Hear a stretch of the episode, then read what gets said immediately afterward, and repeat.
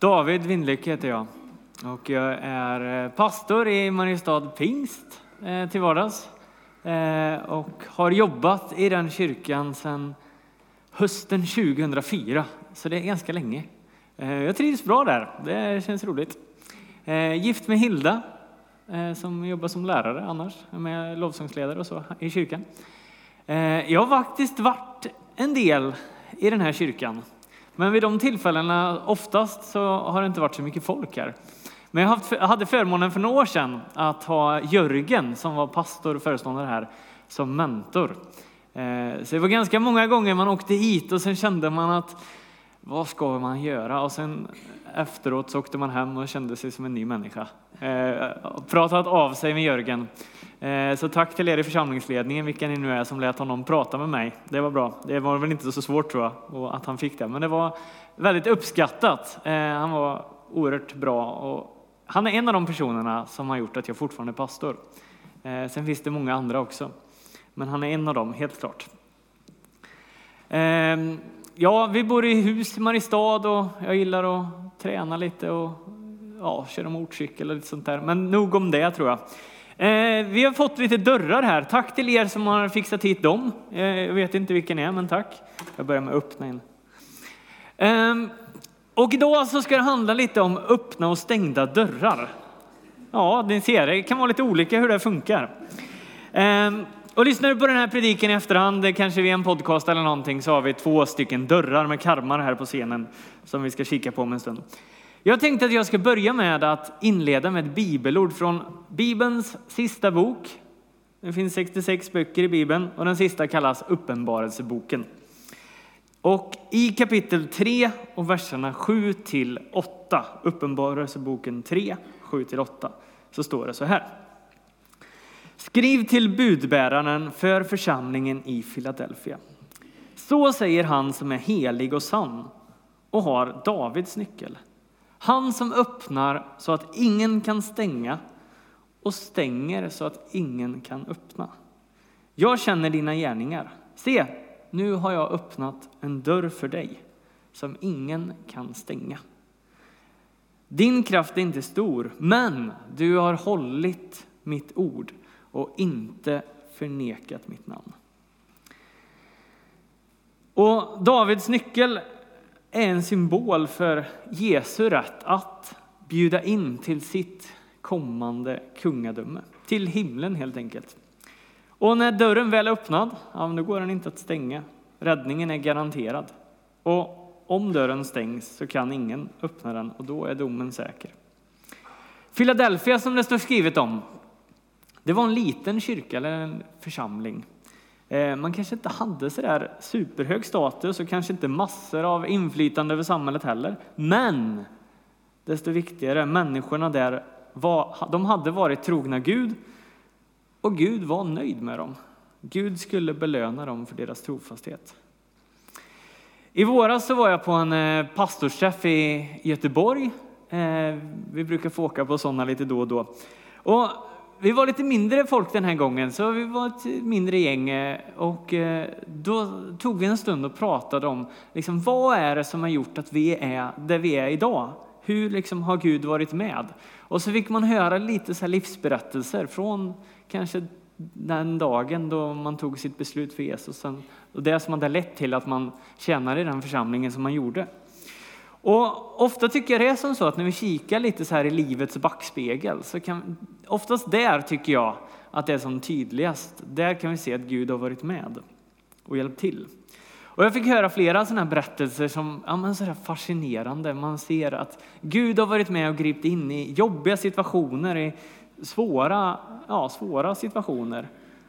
Och Gud har varit med och förvandlat. Rent mänskligt kanske det borde gått åt skogen tyckte de som berättade. Men det gjorde inte det, för Gud var med. Och en som jag mötte där, hon berättade att eh, på gymnasiet där, så efter gymnasiet, så, hon bad och hoppades verkligen för ett speciellt jobb. Det var någonting så här, om det här, precis det här, det ska jag göra. Och verkligen så, ja men bad, det här är, det här måste vara Guds väg för mig. Nu kör jag och all in på det. Och det verkade verkligen som att det skulle gå vägen. Det verkade som att det skulle bli det här. Men den där dörren, den liksom, den var till och med låst. Alltså, den öppnades aldrig. Det blev inte så. Och där då så, så stod det en dörr öppen. Vi se om den stannar kvar här. Ja, men det fanns helt plötsligt, det fanns en annan dörr som stod öppen, även om just den där stänger sig nu. Ehm, som stod på vid gavel och den sa bibelskola. Och så blev det. Hon gick in genom den dörren och körde på bibelskola. Och i efterhand så var hon ganska övertygad och säker på att amen, det var Gud som lät den ena vara stängd. För det fanns en annan som hon kanske inte först och främst tänkte på. En lite konstig fråga, svår fråga kanske, som du inte har ställt dig kanske. Har du någon gång tackat Gud för att han inte har gett dig ett bönesvar? Har ni gjort det? Alltså, jag tror faktiskt att ibland kan vi faktiskt ha anledning att vara tacksamma till Gud för de bönesvar som vi inte får. Det står i Bibeln att det bästa vi kan be om är att be efter Guds vilja. Men samtidigt så kan det vara ganska lätt att sätta sin egen vilja före. Eh, alltså, jag tror att vi kan be och vi kan få allt vi får. Men ibland så är inte det den där andra, den där andra jobbet som man tänkte, det där, det ska jag göra. Men Gud han har liksom lite mer koll. Och det är lite spännande tycker jag att Gud han är inte bunden av dimensionen tid på samma sätt som vi är. Han är den som var, som är och som kommer, står det. Och det är inte helt enkelt för oss att greppa, för vi är ju rätt bundna av tid. Vi, det är så, tid är rätt viktigt, eller ja, vi kan inte bortse från det. Men han ser ju andra parametrar som inte vi kan se. Han kan liksom ha koll på. Och på något vis tänker jag att han verkligen kan ha koll på vad som är det bästa för dig och mig utifrån den platsen i livet som vi är på just nu. Varenda dag så tar vi människor en massa olika beslut. Eh, du har tagit ett beslut som sitter här idag för du har kommit hit. Innan det så tog ni beslutet att gå upp och jag gissar att de flesta tog beslutet att käka frukost, även om det säkert sitter någon här som inte tog det beslutet. För kanske så tog man ett annat beslut, att man tryckte på den där klockan, snosknappen, några gånger för mycket. Och så är det också, det är också ett beslut. Jag tryckte också på den här snosknappen några gånger för mycket i morse. Eh, men jag hann käka frukost i alla fall, men kunde ju ha haft lite mer tid kanske. Ibland kan ju det här med att ja, frånvaron av ett beslut, det är också ett beslut. Att inte ta ett beslut alltså, det är också ett beslut. Att vela och inte kunna bestämma sig, ja, det kan ju också innebära att man missar en möjlighet i livet. Snosar man för länge, då går tåget. Eller tåget går ju, ja, kanske just tåg kan vara en dålig liknelse, det är inte alltid de går. Men eh, man kan ju missa, man kan ju missa saker i livet om man inte tar det där beslutet. Innan jag går vidare så vill jag verkligen säga det och trycka på det att jag tror alltid att det finns en dörr som är öppen som det står Jesus på. Hela tiden i vårt liv, vart än du må vara, vilka vägar och dörrar som du har gått igenom för att komma där du är, så tror jag ändå att det finns den dörren som det står Jesus, så den är alltid öppen. Vi ser om den här stannar öppen. Om det är den som stannar öppen. Eh, Jesus, den dörren, den finns alltid oavsett hur livet ser ut. Oavsett vart du har hamnat så finns den alltid där. Och du kan välja att, att säga ja till Jesus. Vill du ta det beslutet idag sen så kom till någon av förbedjarna. Så är övertygad om att de vill vara med och be för det.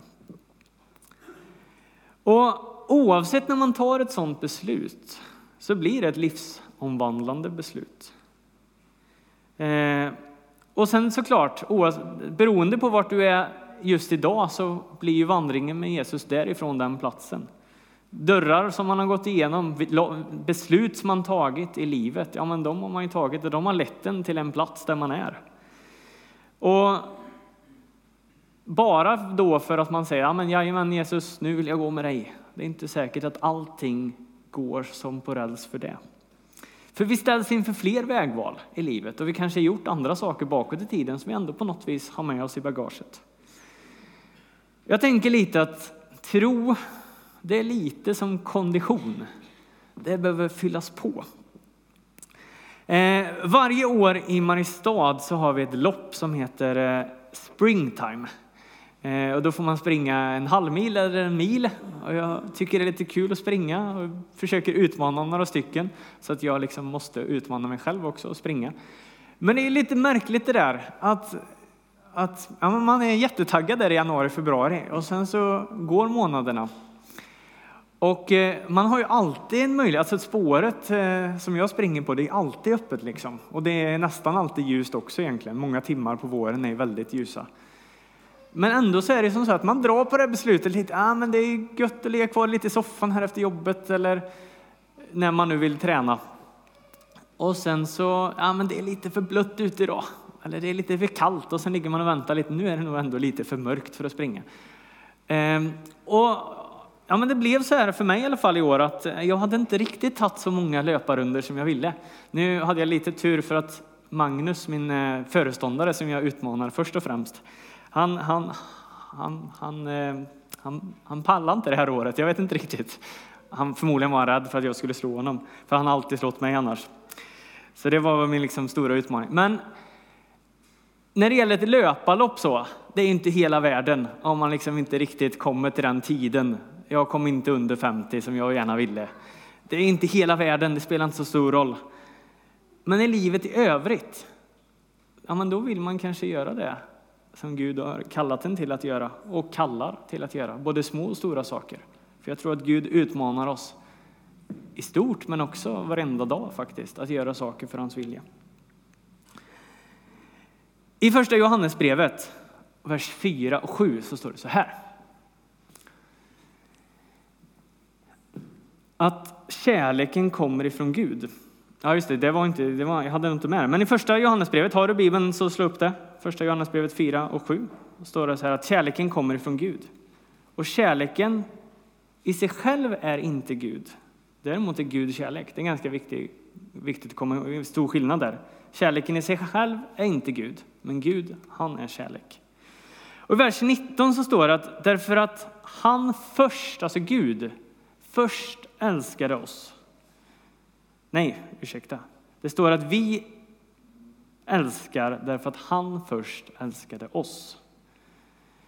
Eh, och det tänker jag är en sån här viktig grej, att vi älskar honom därför att han först älskar oss. Och det är viktigt att komma ihåg det, särskilt kanske lite på tanke på det som kondition. För det kan bli lite fel. Tro handlar inte först och främst om prestation. Det är inte som så att om jag gör mitt så gör Gud sedan sitt. Det står att Gud har älskat oss först. Allt som vi gör i livet får vara en respons på den kärleken som han har gett till oss, som han uttrycker till oss. Gud är initiativtagaren som säger att Hallå, kom och var med mig. Jag vill ha en relation med dig. Börja leva ditt liv med mig. Här är en dörr som är öppen. Gå den här vägen. Följ mig. Och sen såklart så går det ju såklart åt både av oss då, går det väl åt både disciplin och trofasthet och lite styrfart för att hålla det spåret, att gå tillsammans med honom. Vad vi gör av våra liv, det spelar självklart stor roll. Väljer jag att ja, men nu i livet så ja, men jag går igenom den här dörren och sen kommer jag till något annat här och sen så knatar jag vidare här och sen, ja men då är jag ju här. Tar jag en annan väg så hamnar jag där borta. Och det är lite svårt att veta, vad är det, vart kallar Gud mig? Det är inte alltid lätt, vilken dörr är egentligen rätt? Och jag tror att vi får fråga Gud om det. Jag tror att vi hela tiden får göra allt vi kan för att hålla oss nära honom och lyssna in honom. Det är lite som en GPS. Kanske har någon en sån här Förr var ju GPSerna inbyggda, kanske med nu med, jag har en gammal bil så jag vet inte, men inbyggda i bilen och då kunde man ha en sån GPS-skiva med kartorna på. Och backar vi några år till så hade man en kartbok. Och de, jag hittade en kartbok nu när jag städade någonstans, och de är ju, det finns ju ingen anledning att ha kvar dem för alla vägarna är ju ombyggda, liksom, nästintill i alla fall. Eh, och skulle man försöka köra efter en sån, ja men då skulle man, ja, det räcker ju att åka till Göteborg så är man helt vilse, det är man nästan ändå tycker jag i Göteborg, för det är så många vägar överallt. Men om man inte har en uppdaterad GPS där, då, då är man ju borta om man inte kan Göteborg. Eh, har man en GPS i mobilen, ja men då kommer det uppdateringar hela tiden som gör att man håller sig uppdaterad. Och jag tänker att i tron så får vi hålla oss uppdaterade med hjälp av Gud, att hela tiden ha en relation med honom. Vi kan inte ha koll på allt i tron.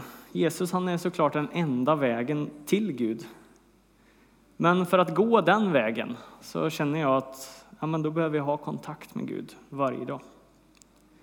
Eh, uppdatera vårt livs GPS med den som var, som är och som kommer. Han som har stenkoll. Vad gäller nu? Gud, vad vill du att jag ska göra idag? Vem kan jag hjälpa idag? Vem kan jag vara din utsträckta hand för idag? Helig andlighet med idag. Jag tänker med den inställningen hela tiden, ja, då kan vi undvika lite saker som vi kanske annars ställs i. För ibland så kan det nog vara som så att vi upptäcker att en dörr i livet är stängd. Och det kanske den också borde vara. Och ibland öppnar Gud en dörr som kan kännas rätt utmanande att behöva gå på.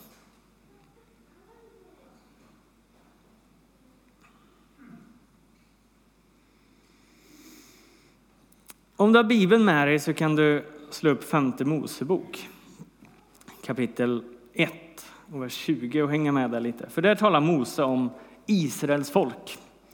Folket de hade vandrat runt jättelänge ute i öknen och sen så kom de till något som heter Amoriernas bergsbygd. Där berättar Mose för dem att eh, för folket att ja, men nu är det så här, Gud han har befallt oss att nu ska vi gå och inta det här landet som ligger framför oss och det kommer bli bra. De hade liksom fått nyckeln och det var bara att gå in genom den porten. Ehm, och Mose han säger men Gud säger att vi ska inte vara rädda, vi ska inte vara modlösa, nu kör vi.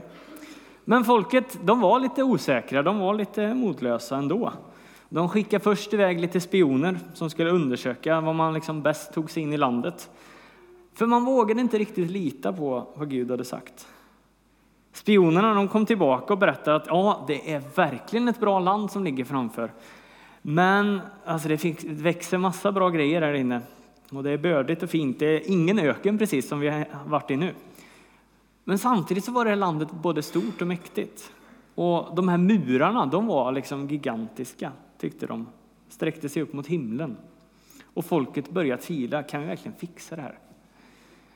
Och det blev som så att man vägrade att gå in i landet. Man gjorde inte vad Gud sa till dem. Man funderar på hur i hela världen ska jag kunna klara av den här? Alltså den här, nej, den där dörren, det, det går inte. Gud säger den öppen, men jag, jag vet inte. Det är nog svårt. Och jag tänker att man inte riktigt tog med sig Gud in i ekvationen. Och det är inte alltid så lätt att göra det. Det kan vara en utmaning för oss med. Men jag tror ändå att vi ska göra det. I vers 29 så säger Moses så här, låt er inte skrämmas, var inte rädda för dem.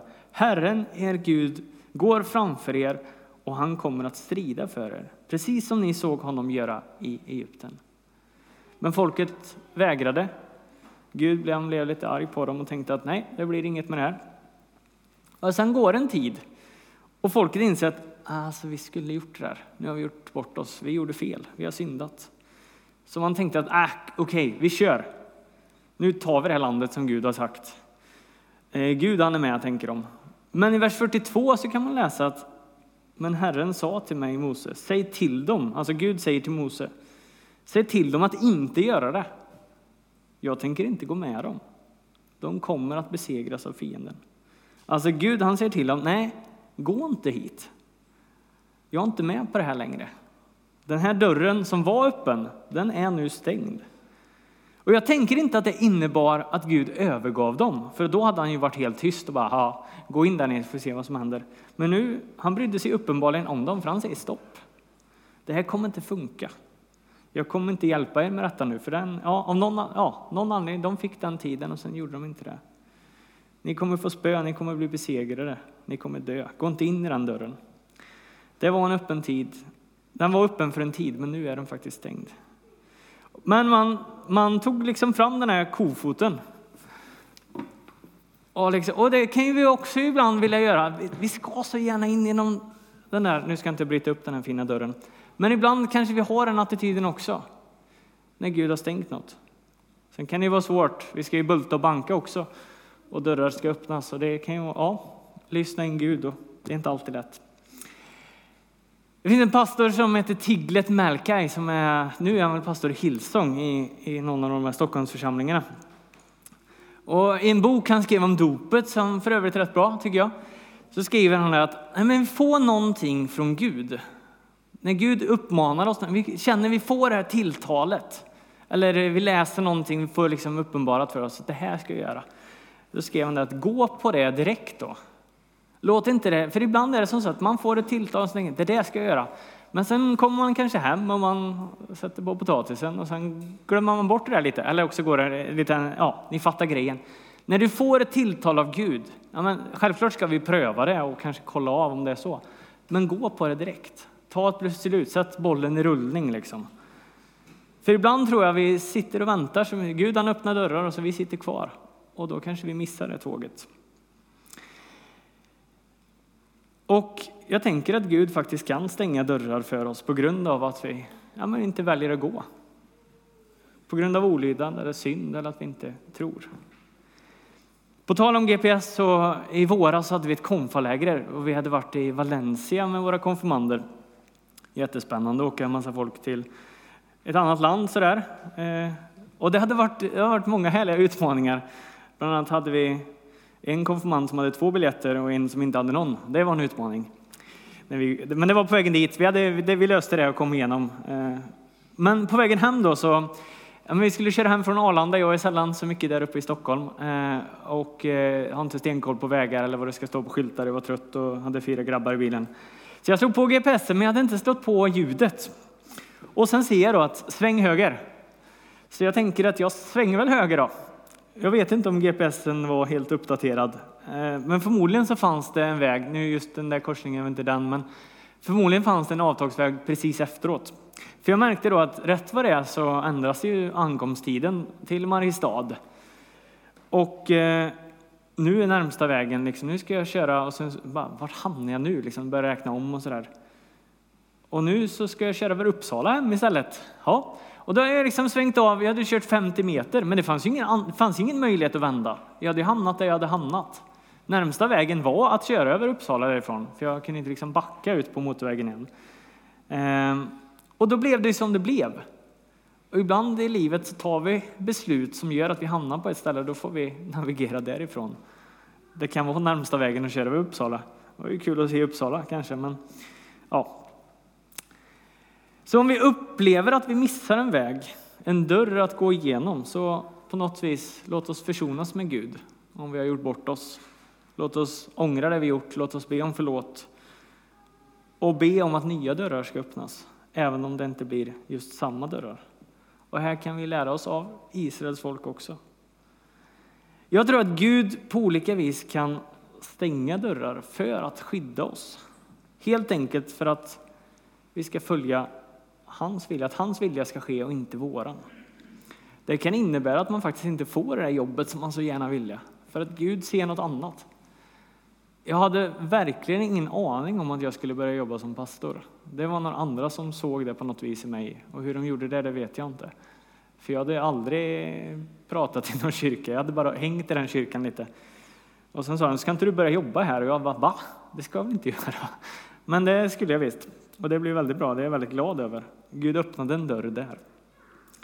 Det blev inte som jag hade tänkt, men det blev bättre. Även om jag inte såg det just där och då. För Gud är den som har den övergripande kollen. Och ibland tror jag kanske att ja men Gud han kan stänga dörrar för att andra människor är inbegripna i Guds plan och de kanske inte ännu är redo. Tänk dig att du och en annan människa ska känna Gud på ett, ja men ni ska göra någonting tillsammans. Gud har en tanke med att just ni två ska göra en sån grym grej. Eh, vad det nu kan vara, en jätte, ja, någonting för Gud helt enkelt. Och det skulle kunna vara lite som när man samåker. Då möts man någonstans, jag vet inte vart ni möts här, men i Mariestad så möts man vid Donken för det finns en stor parkering kan man ställa bilen där. Eh, och är det som så att den andra personen har legat och tryckt på snosknappen och kanske ligger och sover hemma, ja men då, då kan man inte åka vidare tillsammans. Och ibland, det kan ju vara segt att vänta och särskilt då om det är som så att Gud har tänkt någonting, ja men då vet man ju inte det. Vi vet ju inte alltid vad saker leder. Ibland tänker jag att det kanske kan bli så också.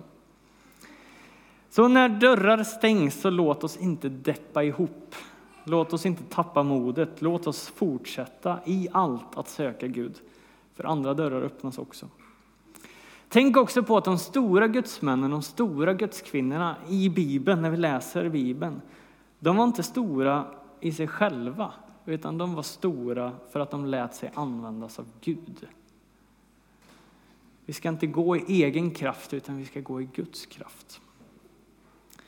Och när det faktiskt är som så att Gud öppnar dörrar för oss, då ska vi inte vara rädda att gå igenom dem, även om de kan kännas lite väl stora. Självklart vi kan pröva och fundera, men är det Gud, ja men gå då på det. Första Timoteusbrevet 6 och 12 säger så här. Kämpa trons goda kamp. Håll fast vid det eviga livet som du kallades till när du avlade, avla, när du avlade den goda trosbekännelsen inför många vittnen. Och lite senare i femte Mosebok kapitel 2, vers 24 så kan man läsa om hur Gud öppnade nya dörrar för folket. Eh, och de fick väl säkert lite nya utmaningar att gå igenom, men nu var Gud med. Eh, lovsångsgänget, ni kan få komma fram. Jag lämnar mig slutet, närmar mig slutet. Ni ska få ett av mina favoritbibelställen, på tal om det här med dörrar och vägar och, och sånt här. Plus något litet bibelord till. Apostlagärningarna kapitel 16, vers 6 fram till 10.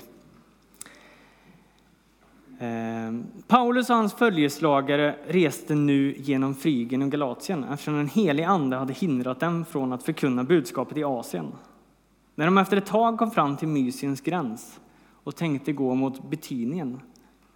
Ehm, men Jesus ande tillät dem inte att resa dit. De fortsatte därför genom Mysien och kom till Troas. Och där, på den platsen, fick Paulus se eh, en syn på natten. Och han såg en man från Makedonien som stod där och eh, hallå, kom över hit. Kom till Makedonien och hjälp oss. Vi ville därför genast efter att Paulus hade haft denna syn resa över till Makedonien eftersom vi förstod att Gud kallade oss att förkunna evangeliet där. Det här är lite av som sagt ett favoritställe jag har, för det visar hur Paulus och hans reskamrater de fick kryssa fram. Ja, vart ska vi nu? Vi går hitåt. Nej, men vi ska, nej, det är inte dit, för där, nej, men då går vi hitåt. Men de, de var i rörelse, de kom framåt. Och jag tänker att livet är så. Eh, ibland kan vi stå still, eller sitta still, och vi kanske sitter still och väntar och vi kan be och fundera på Gud, vad vill du, vad vill du, vad vill du? Men ibland så behöver vi börja gå för att det ska visa sig. Och då säger Gud, nej inte hitåt. Ja, men då fortsätter jag hitåt. Ja, okej, ja, de kommer ju liksom rätt. Eh, Gud har en övergripande kollen. Ibland kan man som kristen se ett behov och tänka att hallå, jag måste göra någonting här. Men Gud har ju uppenbarligen andra som han också vill kalla. Paulus han hamnade inte i Asien av någon anledning. Det var väl andra som hamnade där. Jag tänker att Gud hade en tanke med det. Gissningsvis var det någon annan som skulle dit. Matteus 7, lite som något slags titelbibelord, det sista. Be, Matteus 7, vers 7-8. Be så ska ni få. Sök så ska ni finna. Knacka på och dörren ska öppnas. För den som ber, han får. Och den som söker, han finner. Och för var och en som knackar på ska dörren öppnas. Och vi får knacka och vi får bulta. Men sen får vi försöka följa Guds vilja. Alla dörrar kommer inte öppnas. Det där jobbet som den här tjejen berättade om, hon fick inte det jobbet, men det blir något annat. Och det är väl också det att tillsammans med Gud gå vidare. Vi får pröva allt och hålla oss nära Gud. Pröva med andra. När du får tankar och tilltal, ja, men sätt, alltså, stanna inte upp där och liksom, låt det komma vidare. Sätt bollen i rullning. Prata med dem. Vad tror du om det här? Kan det vara något från Gud? Ibland så gör vi inte någonting med de där tankarna som Gud ger oss och då blir det inte heller någonting med det. Jag tror att gå är ett bra alternativ och att stå still är ett sämre alternativ. Vi behöver ha lite styrfart i livet för att komma vidare. ber en bön innan vi får lyssna på en sång. Tack Gud för att du är med det här gänget här. Tack Gud för att du ser hur våra liv ser ut. Du ser vilka vägval som har gjort att vi har hamnat där vi är. Om vi är på en plats där vi känner att vi trivs och vi har en bra relation med dig eller om vi är på en plats där vi känner att det finns en hel del som man borde ta tag i. Tack Gud för att du är med oss. Tack för att du räcker ut handen. Tack för att det alltid finns en dörr som det står Jesus på som vi får gå in i. Vi får gå med dig och du vill leda oss vidare utifrån den platsen vi är på just nu. Gud, jag ber att din vilja ska ske i våra liv. Hjälp oss följa din vilja. Hjälp oss att ta de kliven, öppna de dörrar och stänga de dörrar som vi inte ska gå in i. Tack Gud för att du är med gänget här. Jag ber verkligen om din välsignelse över var och en som vill ha en relation med dig. Att du ska vara med och leda vidare. Tack Gud för att du kallar i vardagen. Tack Gud för att du vill använda oss i smått och stort. Leda oss för att vara verktyg i din hand för andra människors skull. måste inte alltid vara så där superstora grejer, utan det är i det lilla så är du med och leder och det kan bli stora grejer för någon annan även om inte vi ser det. Tack Gud för att du ser den som känner att jag vill ha en relation med dig Jesus, jag har inte det nu. Tack Gud för att du är med och hjälper den att våga ta klivet och ta det beslutet. I Jesu namn.